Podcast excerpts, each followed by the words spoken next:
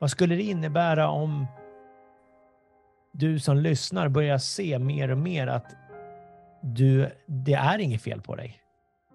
Du är psykiskt frisk. Du bara upplever det som att du inte är det. Och den upplevelsen i sig är skapad av tankar som skymmer din sikt och skymmer din kontakt med, din, med ditt inre välbefinnande, välmående, psykiska friskhet. Tänk om det är sant? Mm. Det är inte så att eh, lyssna på den här podden eller titta i den här riktningen och skulle det så att det var fel så kommer du förlora tre miljoner kronor. alltså, det, det finns ingenting att förlora. Du har, I värsta fall då så har du förlorat lite tid. Mm. That's it. Men Men, du har ändå lärt dig någonting precis. Välkommen till podden Human Change med Daniel Magnusson. Fastnar du ofta i tankar kring oro, stress och irritation? Tror du att allt beror på att det är fel på dig? Då vill jag välkomna dig till podden som guidar dig till förståelse om hur vi människor fungerar egentligen. Genom denna förståelse kan vi leva ett liv fullt av kärlek och harmoni. Ditt ljus och hopp när allt verkar mörkt och hopplöst. Så låt nu Daniel guida dig till den stillhet vi alla letar efter. Där slutstationen är välmående och glädje. Lyssna och njut.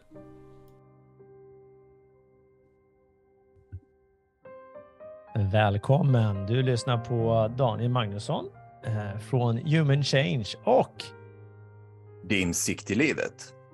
Ja, fast det är inte du som heter din sikt i livet. Du heter ju Joakim Rasmussen.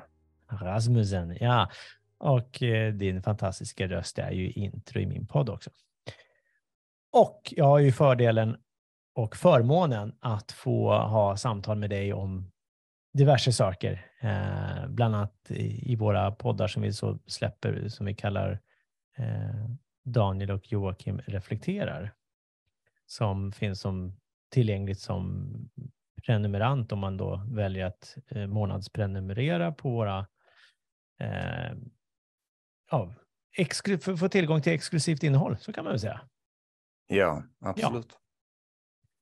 Så svårare än så är det inte egentligen. Man går in på länken som ligger längst upp i avsnittet på, den här, eh, på det här avsnittet och så kan man välja, åh, där kan jag bli månadsprenumerant och så får jag då tillgång till exklusivt innehåll. Eh, antingen så kan man göra det via din podd eller så gör man det via min podd. Det spelar ingen roll. Ja, eller både och. Så. Eh, och då är ju frågan, det där kan ju låta alldeles för bra för att vara sant. Eller hur? Ja, det kan du ju faktiskt. Ja. Och det är det jag tänkte vi ska prata om idag, eller det var det vi tänkte att vi skulle prata om idag. Inte Mm. just om, om att det kan vara för bra att det är sant om, om det här exklusiva innehållet, utan egentligen att när man hör saker och ting så blir, och jag kan titta på mig själv, så blir det lite så här, oj, det där låter för bra att vara sant. Det där låter för enkelt för att vara sant. Mm. Och du hade ju eh, ett bra exempel. Skulle du vilja lyfta det? När du själv upptäckte det, att det är lätt att vi tänker så där.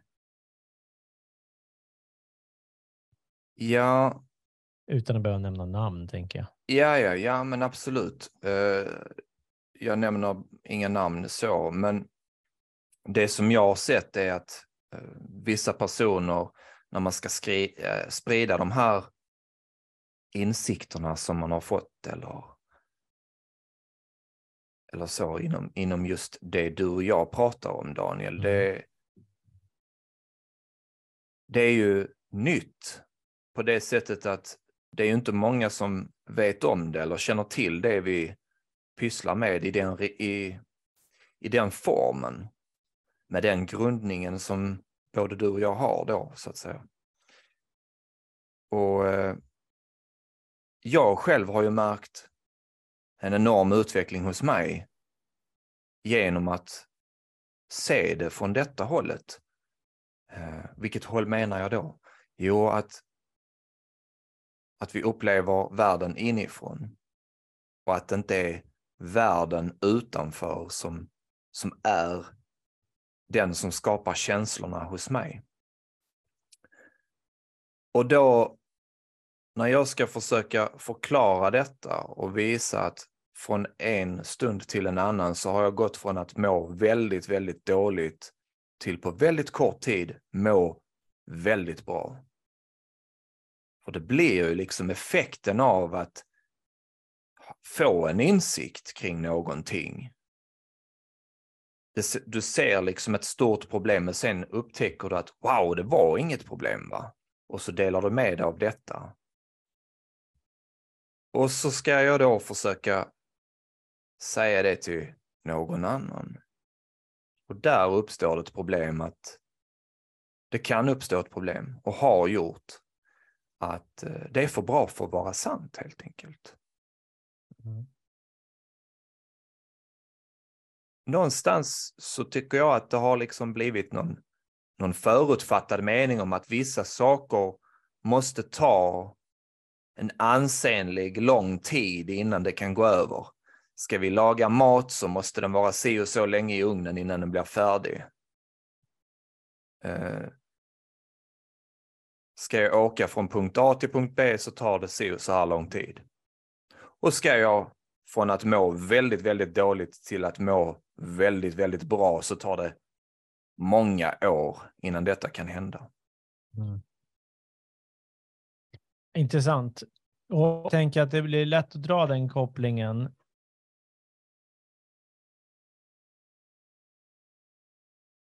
eftersom det, det, är lätt att dra den, den kopplingen att, att det ska ta tid, bland annat för att vi får höra det. Eh, jag, menar, jag pratar med människor som har varit hos, eh, ja, men inom, hos psykologer och inom vården, inom psykiatrin och så vidare som förare så här, ah, det här kommer du få leva med resten av livet. Eller oj, det här kommer ta minst det här många års terapi. Uh, så, så det är klart att då, då då får man ju den föreställningen att det kommer ta så lång tid. Uh, och även de som säger så tror ju också på det såklart, annars skulle de inte säga så. Um, för det är deras erfarenhet att då kanske de har jobbat med en metod och så har det tagit så lång tid. Men vi tittar också på någonting som sker i, i världen av form, alltså i den fysiska världen, alltså i, i materians värld, så tar det en viss tid för en eh, lasagne att bli klar. För pastan är hård från början och måste koka och så vidare. Och därav så tar det en viss tid i, i ugnen. Eller att transportera sig fysiskt mellan Jönköping och eh, Stockholm exempelvis. Nu tar det, och sen får man ju titta på vilket färdmedel använder vi också. Så det, det, har ju gått snabbare nu än vad det gjort tidigare. Kan jag tänka mig, så, ja men det du kan eh, röra mellan Stockholm och Jönköping på eh, två och en halv timme eller två timmar. Jag har inte en aning vad det tar. Eh, det är alldeles för bra för att vara sant, sa de förmodligen, när du satt och körde hästdroska. Va? ja, Så, ja. Men det, det gör ju att folk på något sätt får en föreställning om att det ska ta en viss tid för att till exempel då bli mentalt frisk eller hitta tillbaka till sin mentala friskhet som aldrig har försvunnit egentligen. Utan det känns som att den är borta för att man är då i en, på en mörk plats, då, om vi nu ska sätta någon benämning på det. Um, och när man då har blivit inpräntad det här så blir det ju ganska svårt att tänka att det ska vara så enkelt eftersom det känns inte enkelt när man kommer från den platsen, tänker jag. Nej, så kan det ju absolut uppfattas. Och då, eh, som jag vet och ser det, så just när man mår dåligt så ser det ju faktiskt omöjligt ut jag har tänkt många gånger det här kommer aldrig gå över. Och det tror jag nog eh, många kan känna igen sig i. Och en annan sak som jag tänkte jag ville ta upp också. När man väl då har tänkt att det ska ta en viss tid och jag kommer med den här insikten och ska dela med mig så tenderar det också till att man, eh, när det låter för bra för att vara sant, så, så gör man, alltså man tar det inte ens, man ger inte ens ett försök va? Att, att titta i den riktningen, vilket blir ju en självuppfyllande profetia. Va? Jag tror inte det funkar, jag tänker inte försöka, ah, det funkade inte, för att jag försökte inte. Mm. så någonstans så får, ja, ja, och någonstans så får man ju rätt. Mm. Så det betyder att du skulle någonstans veta någonting om något som du inte vet. För att du tror. Mm. Och den här tron blir ju som en, en eh, ögonbindel på något sätt. Eller öronproppar eller någonting, för att man, man, man stoppar redan där. Och det där är ju intressant. Jag tycker det är också intressant, i, i, speciellt i ditt fall då. Eh, för du har ju en erfarenhet av att ha mått sjukt jävla dåligt psykiskt, liksom, med ångest och allt möjligt, depressioner och det. Så att människor som känner dig borde spontant vara så här, du berättar, vad är det som har hänt? Liksom vara nyfikna, och, men också vara villiga att lyssna om du då delar med dig. Men, men, men det är klart att fortfarande så kan man ju fortfarande vara liksom, ja, ja, men det var, man kanske egna slutsatser, men det var väl för att du träffade ju någon psykolog och eh, KBT-terapeut och så vidare. Och så vidare. Um, nu är det så här, du, du har ju introducerat någonting till mig senaste tiden och det är ju då det här med ChatGPT AI-funktionen här. Eh, och jag kan ju inte låta bli den där, funktion, den där uh, möjligheten som finns. Så jag slog ju in det här medan du pratade förut. Varför? Så jag tänkte att jag ska läsa svaret och jag tycker det var bra svar. Um, och jag skrev så här, varför är människor skeptiska till något som verkar för bra för att vara sant? Och eh, typ tre sekunder senare så spottar den ut följande svar då, det här AI-t. Eh, människor är ofta skeptiska till något som verkar för bra för att vara sant eftersom de har en naturlig tendens att ifrågasätta information och idéer som avviker från deras erfarenhet eller förväntningar. Och redan där är det också i, både förväntningar blir ju också en stor låsning, tänker jag. Eh, när, något låter bra, när något låter för bra för att vara sant kan det också utföra, utlösa en känsla av misstro eller oro för att bli lurad eller manipulerad på något sätt. Nu är det ju så att det är inte eh, orden som de hör om som utlöser det då, utan det är ju självklart eh, individens tankar om det de hör som gör det. Eh, vad de tänker om det de hör. Men där, där, där tror jag att vi alla har någon gång upplevt att vi har blivit lurade eller vi har blivit, eller upplevt att vi har blivit manipulerade på något sätt i form av att man kanske ska köpa någonting eller eh, någon har sagt någonting och så vidare, så kanske man då blir mer skeptisk överlag. Eh, dessutom kan människor vara skeptiska till något som verkar för bra för att vara sant på grund av en mängd olika psykologiska faktorer såsom kognitiv disson dissonans eller en överdriven tro på att det finns ingen gratis lunch, står det inom situationstecken. Eh, kognitiv dissonans uppstår när människor ställs inför information eller idéer som strider mot deras befintliga övertygelser eller värderingar, vilket kan leda till en känsla av osäkerhet eller oro. Och här har vi nog ett stort, eh, eh, en stor anledning, skulle jag säga, till det hela.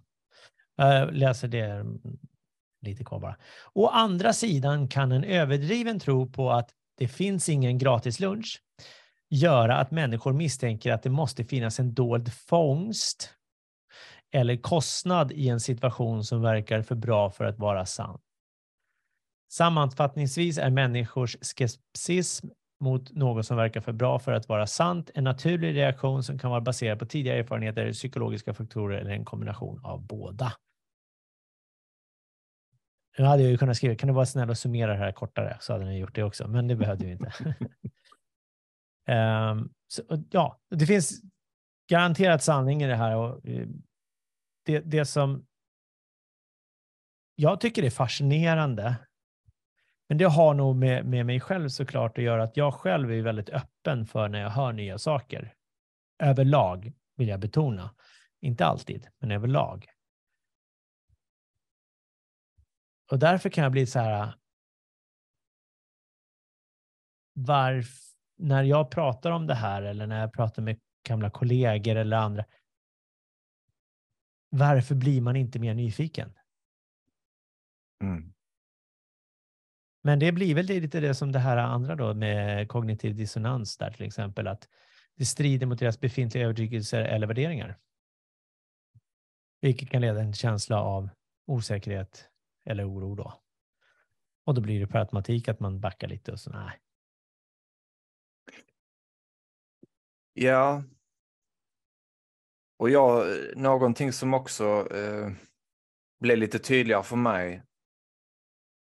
En enkel sak att kunna lösa detta egentligen. Kolla efter. Ja, jag är skeptisk mot detta. Ja, men kolla efter. Kolla om lunchen är gratis. Vad har du att förlora? Jag menar, om du går in liksom med ja okej, okay, du säger detta är sant. Ja, ja okej. Okay. Hur ska du ta reda på om någon ljuger? Kolla efter. Mm. Annars så Annars så kan man ju vara skeptisk till hur mycket som helst. Va? Då behöver man aldrig göra någonting och så är man jättetrygg. Men den här världen man lever i blir ju betydligt mindre. Då behöver du aldrig ta några beslut som du inte håller med om och du behöver aldrig lära dig någonting nytt heller. För att informationen i sig handlar ju om att någonting du inte vet ska du ta reda på. Sen när du har tagit reda på det, det är först då du kan avgöra ifall någonting är sant eller lögn. Du kan ju inte få det innan. Du kan bara tro. Precis, och det gäller att utmana tron. Liksom. Det är det det handlar om. Den tron mm. man går runt med. Men, men det blir ju också jättesvårt att ta till sig någonting, eh, vad ska man säga, och om man går runt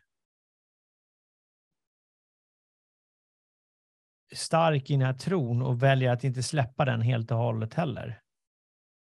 Utan man hela tiden sitter och jämför eh, mm. med någonting. Det kan vara, absolut vara bra att jämföra, men jag tänker att det kan vara ett bra eh, tankesätt att tänka så här, ja, men tänk om det här är sant. Vad skulle det då innebära för mig? Om det här, som exempelvis du och jag då pratar om, eh, att alla upplevelser skapas inifrån och ut. Utifrån vårt tänkande. Det är våra tänk vårt tänkande som skapar upplevelsen av livet varje stund i livet som vi lever. Och vi varje människa skapar vår egen verklighet med vårt tänkande. Så det finns ingen som har upplevt samma situation. Inte på samma sätt. Situationen har ju folk varit med om, men, men vi har upplevt den individuellt. Mm. Tänk om det är sant. Vad skulle det innebära när vi börjar se sanningen i att, att vårt välbefinnande, vår, vår, vår inre lugn och ro finns. Vår, vår psykiska hälsa finns där, helt oförstörd, helt oförstörbar. Mm. Den finns där. Mm. Vad skulle det innebära? Vad skulle det innebära om du som lyssnar börjar se mer och mer att du, det är inget fel på dig. Du är psykiskt frisk. Du bara upplever det som att du inte är det. Och den upplevelsen i sig är skapad av tankar som skymmer din sikt och skymmer din kontakt med, din, med ditt inre välbefinnande, välmående, psykiska friskhet. Tänk om det är sant. Mm. Det är inte så att eh, lyssna på den här podden eller titta i den här riktningen. Och skulle det så att det var fel så kommer du förlora tre miljoner kronor. Alltså, det, det finns ingenting att förlora. Du har, I värsta fall då så har du förlorat lite tid. Mm. That's it. Men Men, du har ändå lärt dig någonting. Precis. Du har fått reda på att det var en lögn.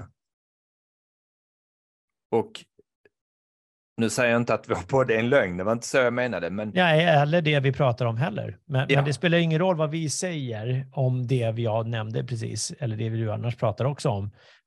Det måste ju träffa rätt, det måste slå an i varje person som lyssnar. Alla måste se den sanningen själv.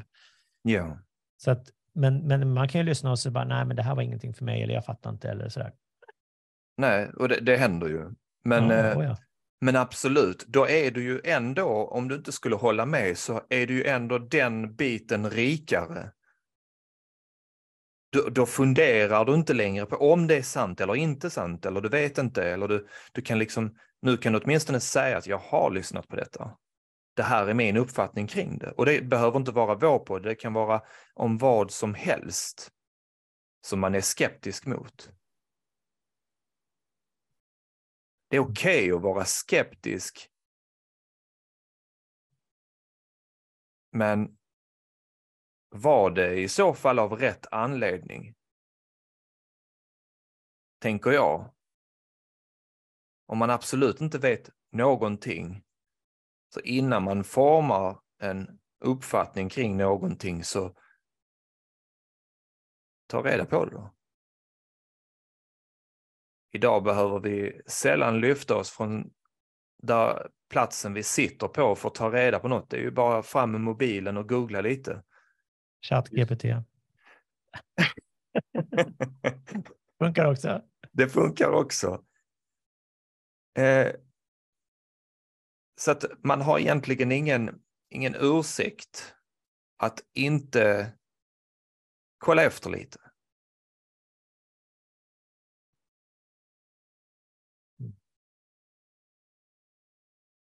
Som sagt, det, fin- det är liksom uppsidan är, finns ju där oavsett. Och, och, och jag skulle säga så här, ju mer tid man väljer att lägga och titta i den här riktningen, förr eller senare vet jag att människor kommer börja må bättre. Och, och, och, och- det, som är, det som jag skulle säga, det är väl att det som jag själv upptäckte var ju att jag behövde ju släppa allt annat. Jag, jag behövde liksom, okej, ja, men nu lyssnar jag på det här. Jag, jag slutar jämföra. Så, så det finns ju egentligen ingenting att förlora på att lyssna vidare. Vare sig på det här avsnittet eller titta i den här riktningen och, och eh, lyssna på Sydney Banks eller läsa lite böcker, lyssna på andra poddar eller liknande som pratar om, om, om de här tre principerna, de här naturlagarna som finns. Som, som är en, en sorts beskrivning om hur vår upplevelse av livet skapas från stund till stund. Och, och det är det som är så fascinerande och det här jag har pratat om där så många gånger i min podd känns det som. Att det, det, det är så fascinerande det här att, att eftersom det är naturlagar, det är någonting som sker oavsett om vi är medvetna om det, oavsett om vi tror på det eller inte, så sker det. Och precis som gravitation. Du kan ju, du kan ju välja att, tro, att inte tro på effekten av gravitation, så kommer du ändå uppleva den. Du kan, du kommer, du kan vara, uppleva den oavsett om du vet om att det kallas gravitation eller vad det är. Du bara upplever det.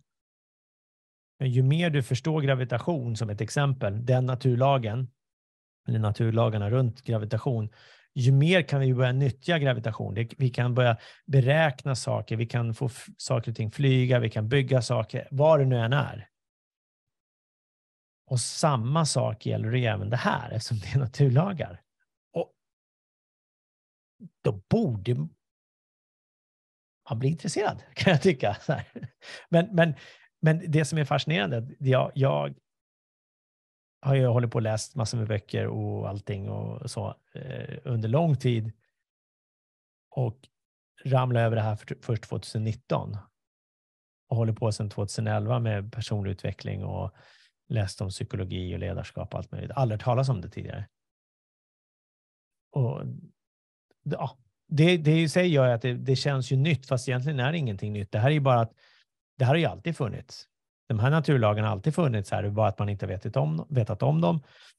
Och de som då kallas the three principles, eller de tre principerna eh, i sig, är ju då också eh, någonting som har funnits hela tiden, bara att de har formulerats på 70-talet av en man som heter Sidney Banks. Som började förklara precis som Newton började förklara om, om, om gravitation och tyngd och vad det nu heter. Eh, jag är mer insatt i de tre principernas naturlagar än gravitation, det hör man ju direkt. Eh, men, det, men det tar ju tid. Det är 50 år i höst sedan sen, sen han, eh, Sidney Banks, upptäckte det här liksom, och, och började skapa en sorts rörelse runt det eller börja prata om det och liksom folk började besöka honom på Salt Spring Island. Ja, och eh, han var ju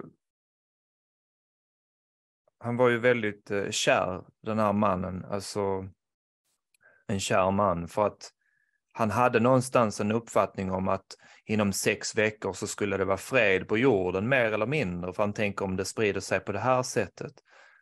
Eh, och för honom var det förmodligen så tydligt, alltså så, så klart som att se vad som helst. Va?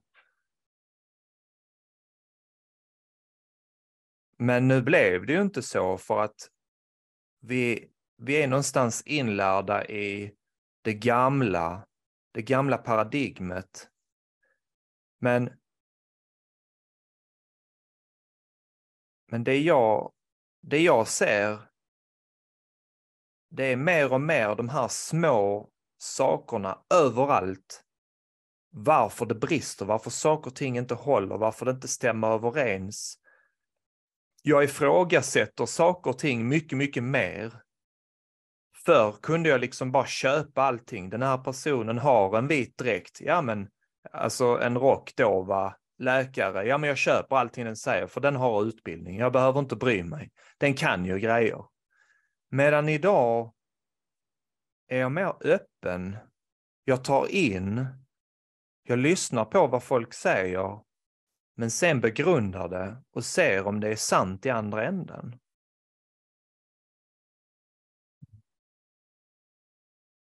Och det tycker jag är, alltså jag har fått en extrem öppenhet till, till vad, hur folk tycker och tänker.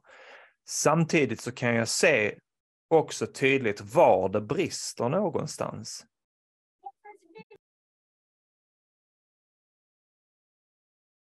Det, det, det som också har hänt för mig är ju att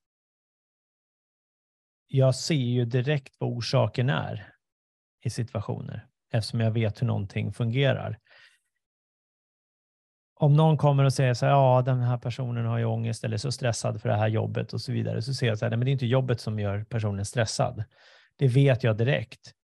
Utan det är ett missförstånd i form av att man tror att stressen exempelvis kommer från eh, utifrån inte inifrån, som ett exempel. Likväl som att jag skulle då, eh, om vi säger att man inte visste om gravitation och jag vet om gravitation, att det, det är så det funkar. Nej, men nu är det så här att den här eh, koppen ramlar ju ner här på golvet och vi, vi tror att det kan bero på att eh, i morse så slarvade vi lite med bönorna om att, att eh, koppar och sånt, att vi skulle stanna kvar på, på, på, på jordens yta. Men det slutade med att det åkte upp. Så att vi, vi, det kan nog vara det. Raljerat då. Men, men det är lite, det, jag vill peka ändå på samma sak, va? Att, att det finns ett missförstånd. Men när man vet någonting, hur någonting fungerar, så, så vet vi orsaken. Likväl som att eh, någon kanske inte får lampan att funka Aha, jag, jag vet inte hur jag ska få den här lampan att bli tänd. Och står de och trycker på fel knapp, men du vet att det är en annan knapp. Så, så, så vet du. Ja, riktigt bra förklarat där faktiskt. Eh, jag håller med att eh, när förklaringarna kommer, alltså när en person berättar om någonting och när förklaringarna kommer så, så ser man, precis som du sa, väldigt snabbt vad som är anledningen. Man vet redan vad anledningen är och någonstans så försöker, när de försöker försvara det eh, med det här gamla paradigmet, då räcker det inte med den ena förklaringen och då måste de täcka upp med en annan förklaring.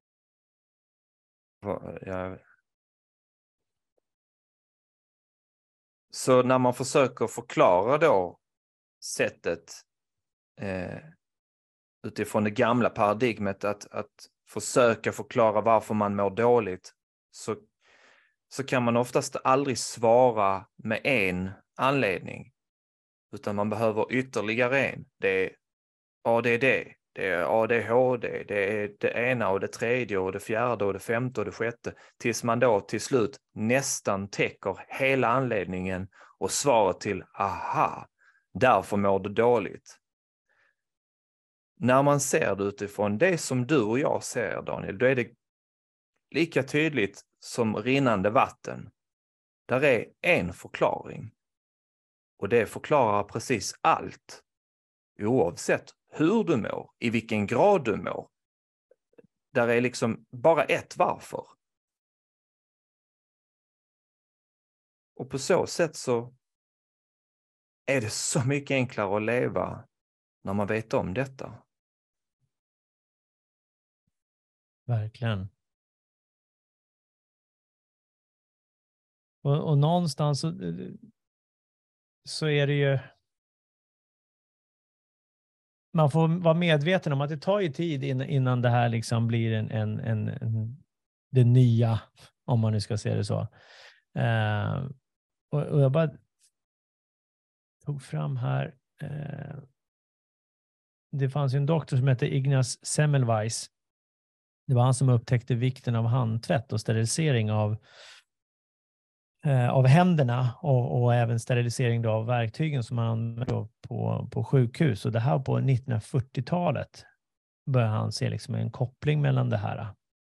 Men det tog ju, det var ju liksom efter hans, flera år efter hans död på 1860-talet då, som, han, som hans upptäckt då började accepteras av den medicinska professionen. Doktorerna varit förolämpade. Ska de tvätta händerna? Herregud, jag är en doktor. Vad tror du? Jag är ingen eh, som bor på gatorna. Och då har de då hållit på med att obducerat eh, lik för att sedan gå in till eh, och förlösa barn. Mm. Det var en jättehög eh, dödlighet eh, i barnsäng, då, eller vad man kallar det, när, när modern dör mm. på grund av blodförgiftning. Bland annat. Eh, så så att han började ju se att det var ju någonting där som, som inte stämde. Eh, jag tänker att vi ska ta eh, och runda av, men jag tänker som en avrundning så tänkte jag att jag, jag eh, förklarar lite kort vad de tre principerna är. och Sydney Banks han var ju han var en, en först och främst var han en, en, en, en eh, eh, svetsare som, som jobbade på en, en, eh, en, en vad heter det? Pulp, pulp mine. det är så pappersbruk tror jag. Pappersbruk liksom i, på Salt Spring Island. Men han, han var ju då senare känd då, både som filosof och författare och han upplevde ju då en, en, en djup, djup uppenbarelse om de, där han såg de här tre principerna. Liksom han, han såg hur hela hans, hur alla människors värld skapas inifrån och ut. Och de tre principerna är ju dock tankens kraft eller tanken, eh, förmågan att tänka och att våra tankar skapar vår verklighet. Medvetenhet. Att eh, vi är medvetna om vår verklighet genom vårt tänkande. Det är så vi, vi upplever någonting och sen sinne eller livskraft eller mind. Det är att vi har ett inbyggt system för att återställa vårt psykiska välbefinnande. Våran, våran eh, friskhet finns redan där. Eh, enkelt beskrivet skulle jag vilja säga. Eh, och jag funderar om jag, jag ska lägga Antingen kan jag läsa upp vad ChatGPT eh, gav för svar när jag ställde den frågan. Hur kan man då bota inom situationstecken psykologisk hälsa? Eh, med den här förståelsen. Eller så lägger jag det i show notes. Vad tycker du? För mig, ja, det spelar ingen roll. Jag tänker, ena, ena delen av mig säger, du har börjat så, så det är bara att köra på. Ja.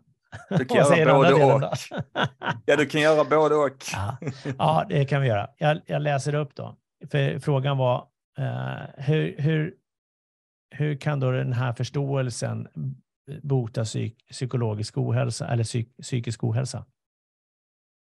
Uh, och, och, jag tycker det är så bra sammanfattat också. För dessa principer kan användas för att förstå och behandla psykisk ohälsa på följande sätt. 1. Att förstå hur tankens kraft skapar vår verklighet. En person som lider av psykisk ohälsa kan ha negativa tankar som skapar en negativ verklighet.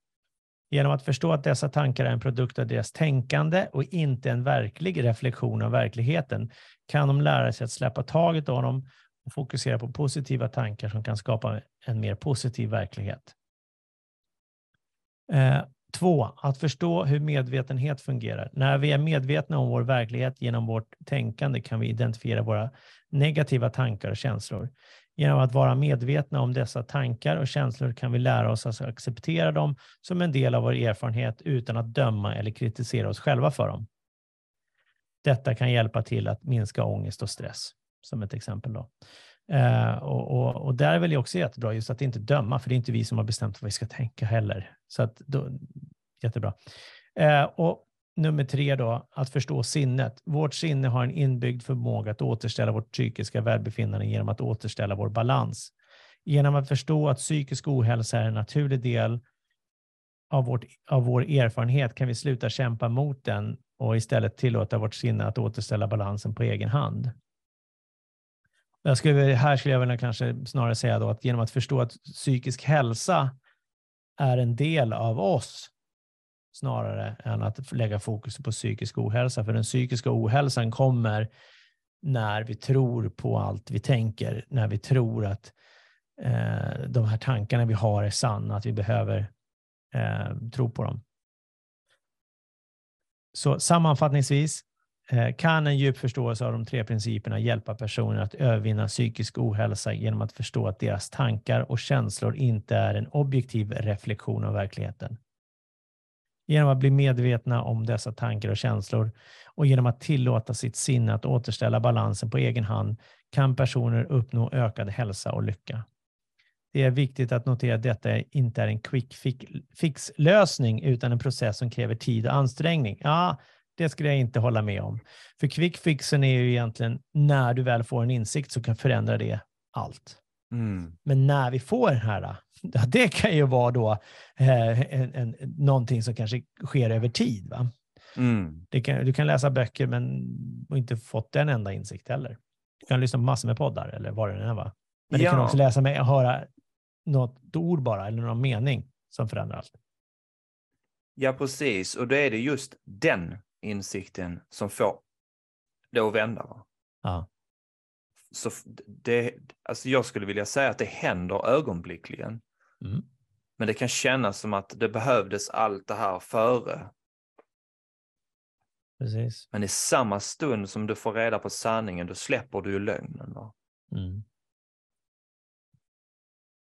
Punkt. Punkt. Tack för att du har lyssnat på det här avsnittet. Är det så att du uppskattar den här podcasten så får du självklart dela den vidare till dem du tänker kan ha ett behov av att lyssna på den. Det finns också en möjlighet för dig att boka in sig på ett kostnadsfritt coachingsamtal med mig. Det finns inga förbehåll att du måste ha tankar om att bli coachad utan du kanske har en frågeställning bara så här. Det här skulle vara intressant att bolla med Daniel. Så kan jag hjälpa dig på något sätt så gör jag det mer än gärna. Skicka frågan till mig på daniel humanchange.se På hemsidan hittar du även videokursen Nyckeln till stressfrihet. Det är en videokurs som jag tillsammans med Angelica Almqvist har skapat och det är ett program då för dig som vill ha ett stressfriare liv. Och några vanliga effekter som man kan se eh, efter den här är då minskad stress, oro, frustration och psykisk ohälsa, ett ökat lugn, välbefinnande, sinnesro med mera. Tack!